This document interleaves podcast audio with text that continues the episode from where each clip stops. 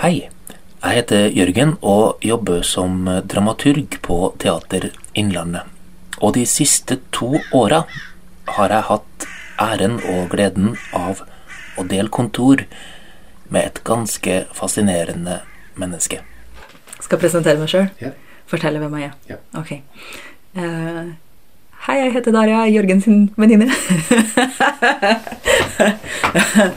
um, jeg heter Daria Glenter, og jeg er 26 år. Og så mellom 2021, starten av 2021 og slutten av 2022 så jobba jeg på Teater Innlandet som husdramatiker. Og hadde et hovedprosjekt i et stort manus som jeg skulle skrive. eh, fikk jeg beskjed om når jeg signerte kontrakten, og jeg sier ja! og så måtte jeg jo faktisk komme og gjøre det. ja. Men Daria har gjort mye annet også. Det første hun skrev da hun kom til teatret, var enakteren Oksesult, som ble det første egne prosjektet til Teater Innlandets talentbande, TI Ung. Ellers har Daria lest, studert, diskutert og forska og gått lange turer ved Mjøsa og sett på fugler. Det kan lønne seg å lytte litt til kråkene rundt Mjøsa. Men det Daria også skulle gjøre mens hun var husdramatiker på Teater Innlandet, var å skrive et helt nytt helaftens teaterstykke. Og hen får jo lyst til å spørre Daria på en litt nølende måte hvordan starter hen da?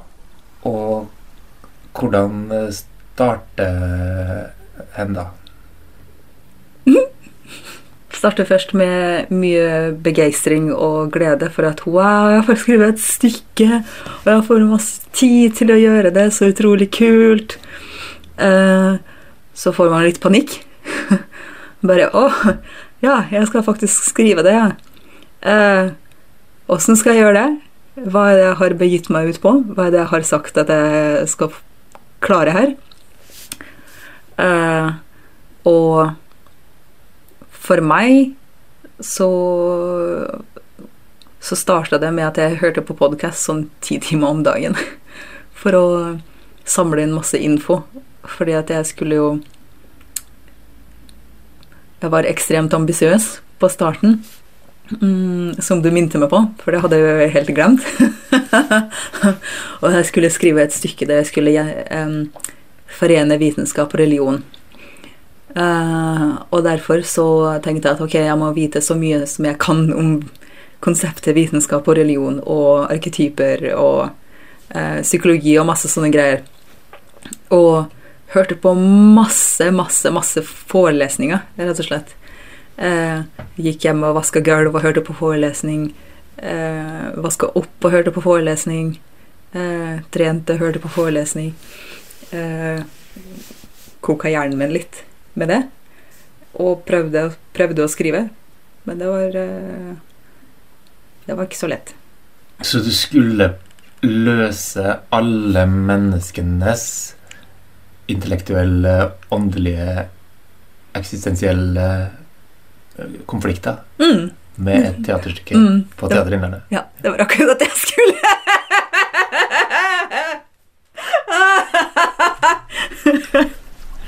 Hjelp! Men mens Daria driver og baler med alt dette, så blir det 24.2.2022, og Russland invaderer Ukraina. Ja, det er kanskje her det passer seg å si at jeg er født i Russland, og jeg bodde der til jeg var 11.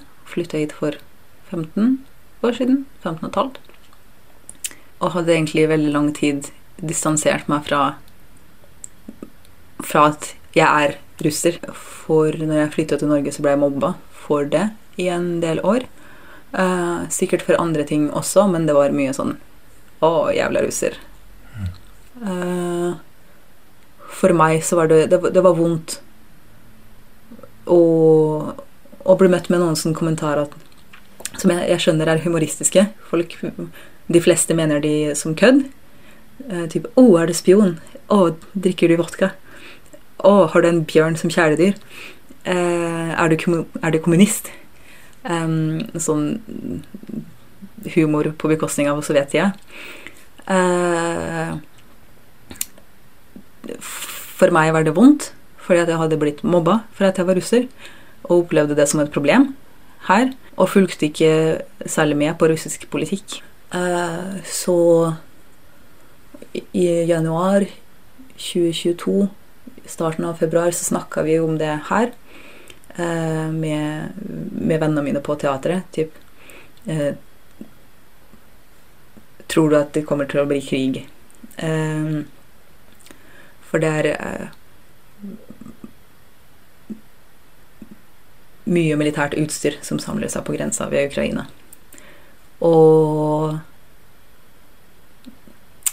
Og jeg hadde hørt det så mange ganger tidligere.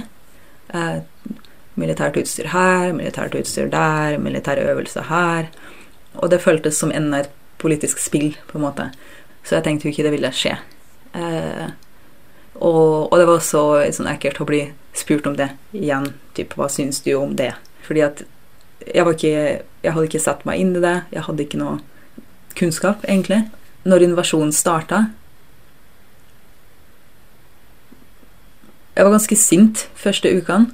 Eh, og, og, jeg veit at folk Folk reagerte veldig på, på invasjonen og på krigen som skjedde. Selvfølgelig skjønner jeg det. Det er en forferdelig ting. Eh, men akkurat der og da så eh, Så var jeg mest opptatt av meg sjøl og hvordan jeg skal stå i dette her. Um, hva skal jeg tenke? For jeg hadde ikke oppdatert meg på situasjonen. Hadde veldig lite peiling, egentlig. Men plutselig ble jeg en, en representant for, eh, for, landet og for russere i Vesten eh, på en dag. Og, og, måtte mene noe. Og første tida så var jeg ganske sint og veldig trigga, egentlig.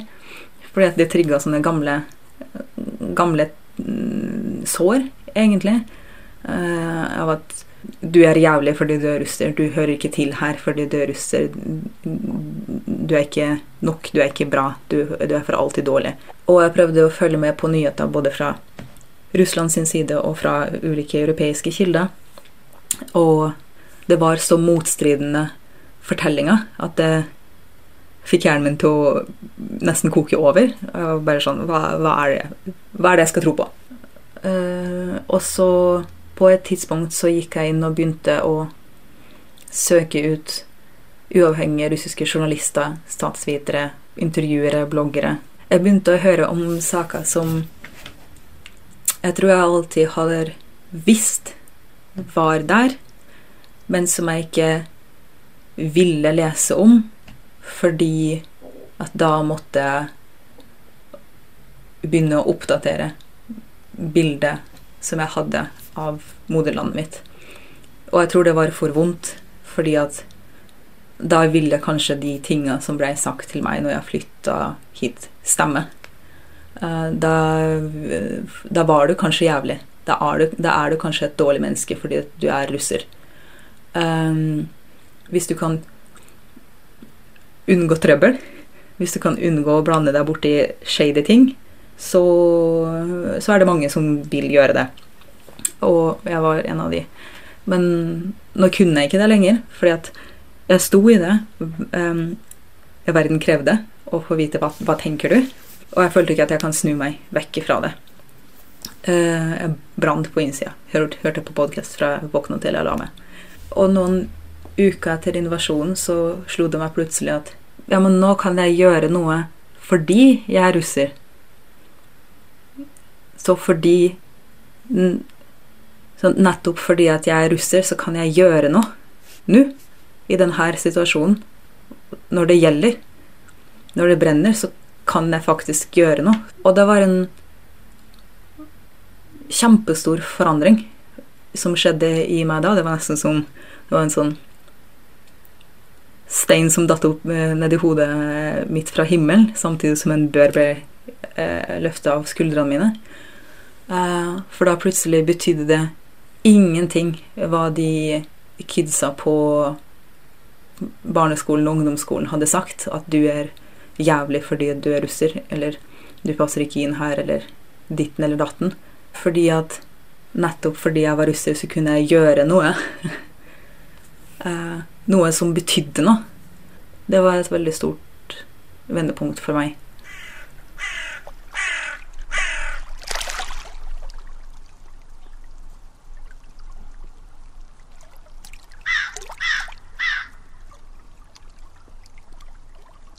Så hva skjer med eh, kunstneren Daria Grenter, da? Uh? Sitter og skal skrive et helaftens uh, teaterstykke, og så skjer dette som en stor omstendighet i ditt liv og i, i vår alles liv. Hva, hva gjør du da? Jeg opplever at å skille mellom privatmenneske Daria og dramatiker Daria ikke er riktig. For det Det, det, er- fortsatt meg. Um, og det er ting Ting jeg går og kverner på og bearbeider. De bearbeider jeg gjerne gjennom skriving. Um, men det var brannen på innsida som fikk spille ut på papiret, rett og slett. Eller på Word-dokumentet.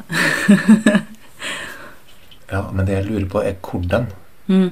Fordi på et eller annet tidspunkt så er det jo noen som begynner å snakke i det stykket. Mm. Noen mennesker eller karakterer Mm. snakker. Hvem, hvem, er dem, hvem er dem? De finnes jo ikke Nei. Um, før invasjonen starta, så jobba jeg jo allerede på et manus. Ehm, et som var ganske annerledes, både i form og innhold, egentlig. Eh, og sjanger òg. men det er eh, Det er en hovedpilar som er den samme eh, i både det manuset som jeg jobba med før invasjonen, og det manuset som eh, ble ferdigstilt. Og det er, et, det er en kjærlighetshistorie mellom folk som ikke eh, forventer å finne hverandre. Som bryter alle slags normer og forventninger av å finne hverandre. Det er en kjærlighetshistorie. Og jeg hadde, jeg hadde så lyst til å fortelle en kjærlighetshistorie som jeg syntes mangla uh, i, uh, i i historiefortelling, uh, både i teater og film. Um, jeg hadde lyst til å fortelle en kjærlighetshistorie mellom to kvinner. Um, det var veldig viktig for meg å fortelle den historien, fordi at den fins nesten ikke i historiefortelling på scene og på skjerm. Um, og jeg er sjøl bifil, og jeg ønsker å se det. Um, og det har vært mye frykt og mye bekymringer rundt eh, situasjoner eh, som som legninga mi kan bringe med seg. Typ hvis jeg dater en dame og holder hender med hun eller kysser hun i offentlighet, så ser jeg meg rundt for å se hvem som er rundt oss. Hvordan ser folk på oss? Kan det bli farlig? Eh, hvordan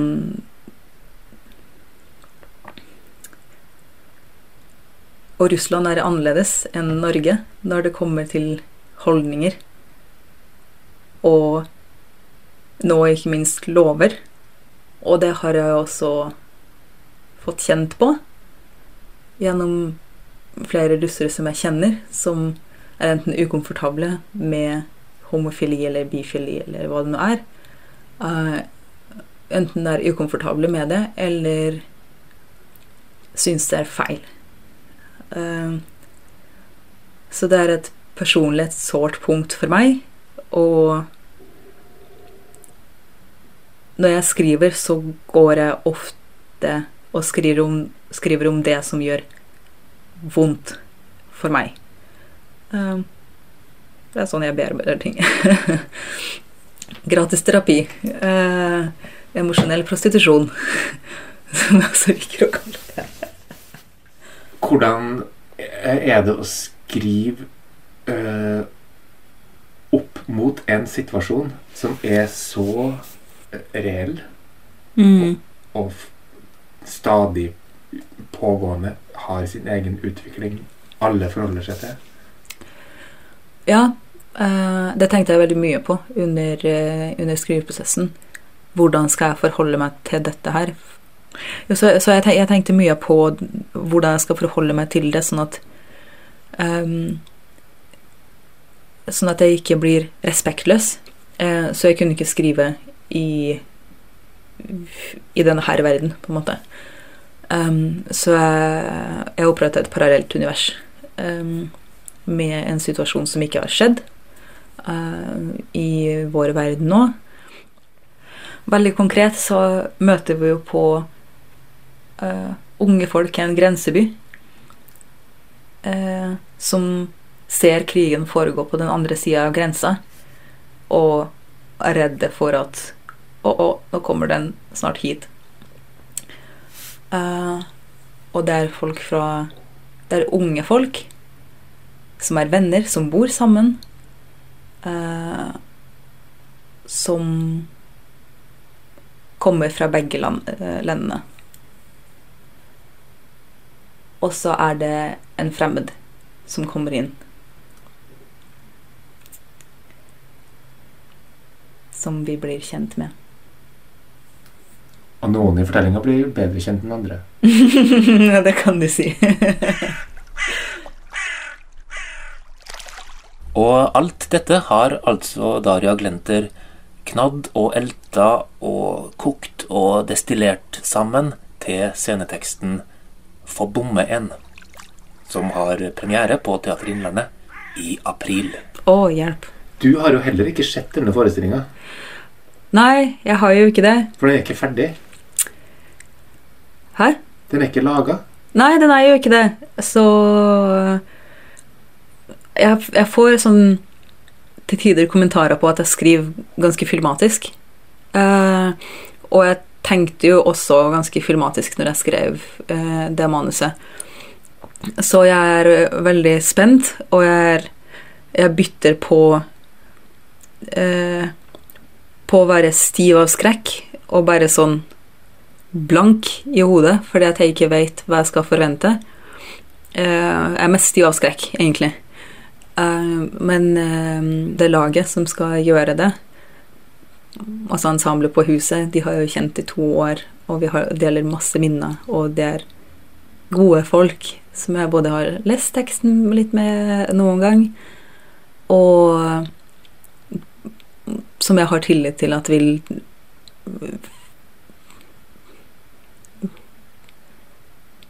vil ta vare på den og tilføre ting som jeg ikke har f- forestilt meg til den.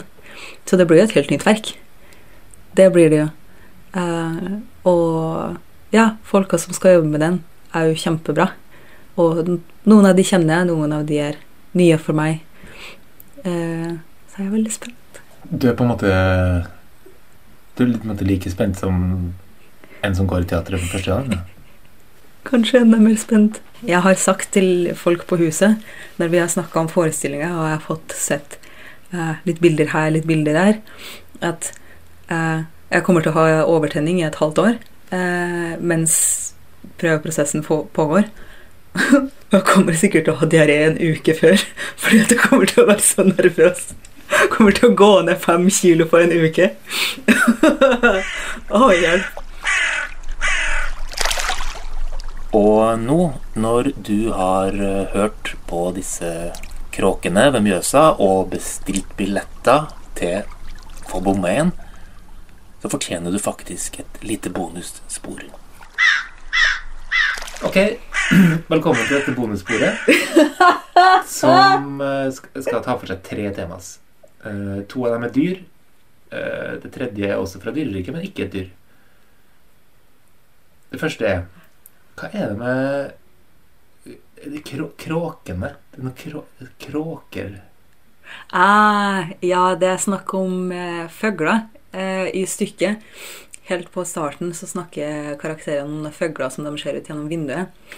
Eh, og greia er at jeg bor ganske nære Mjøsa. Jeg ser den fra vinduet. Så ganske ofte under skriveprosessen så gikk jeg langs Mjøskanten til teatret. Og da er det masse forskjellige fugler der. Det er ender, det er måser, og det er kråker. Og jeg opplever både Enderen kan være søte, eh, men også litt dumme, kanskje. og måsene er Onde? altfor desp. Sykt desperate og veldig sultne. Mens kråkene er kule. De er eh, De flyr i sånne fete, svære flokker som ser ut som en sky når de fer over himmelen sammen.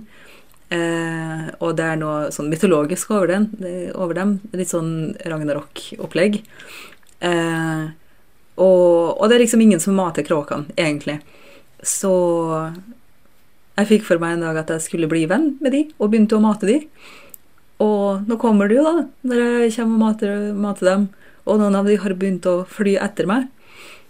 Så jeg tenkte å skrive inn fuglene, da, for jeg liker dem. Så da fikk den ene karakteren et fuglenavn. Ikke, ikke kråkenavn, men et fuglenavn. Ja. Det andre dyret vi skal ta for oss i dette bonussporet, er eh, bjørn. Eh, og det er fordi du sa i, helt i starten av vår samtale så sa du at uh, sa du, Gjorde du rede for noen av fordommene, de rasistiske fordommene mot uh, russere? Ja, stereotyper. Eller mm. Og jeg kjenner jo de fleste.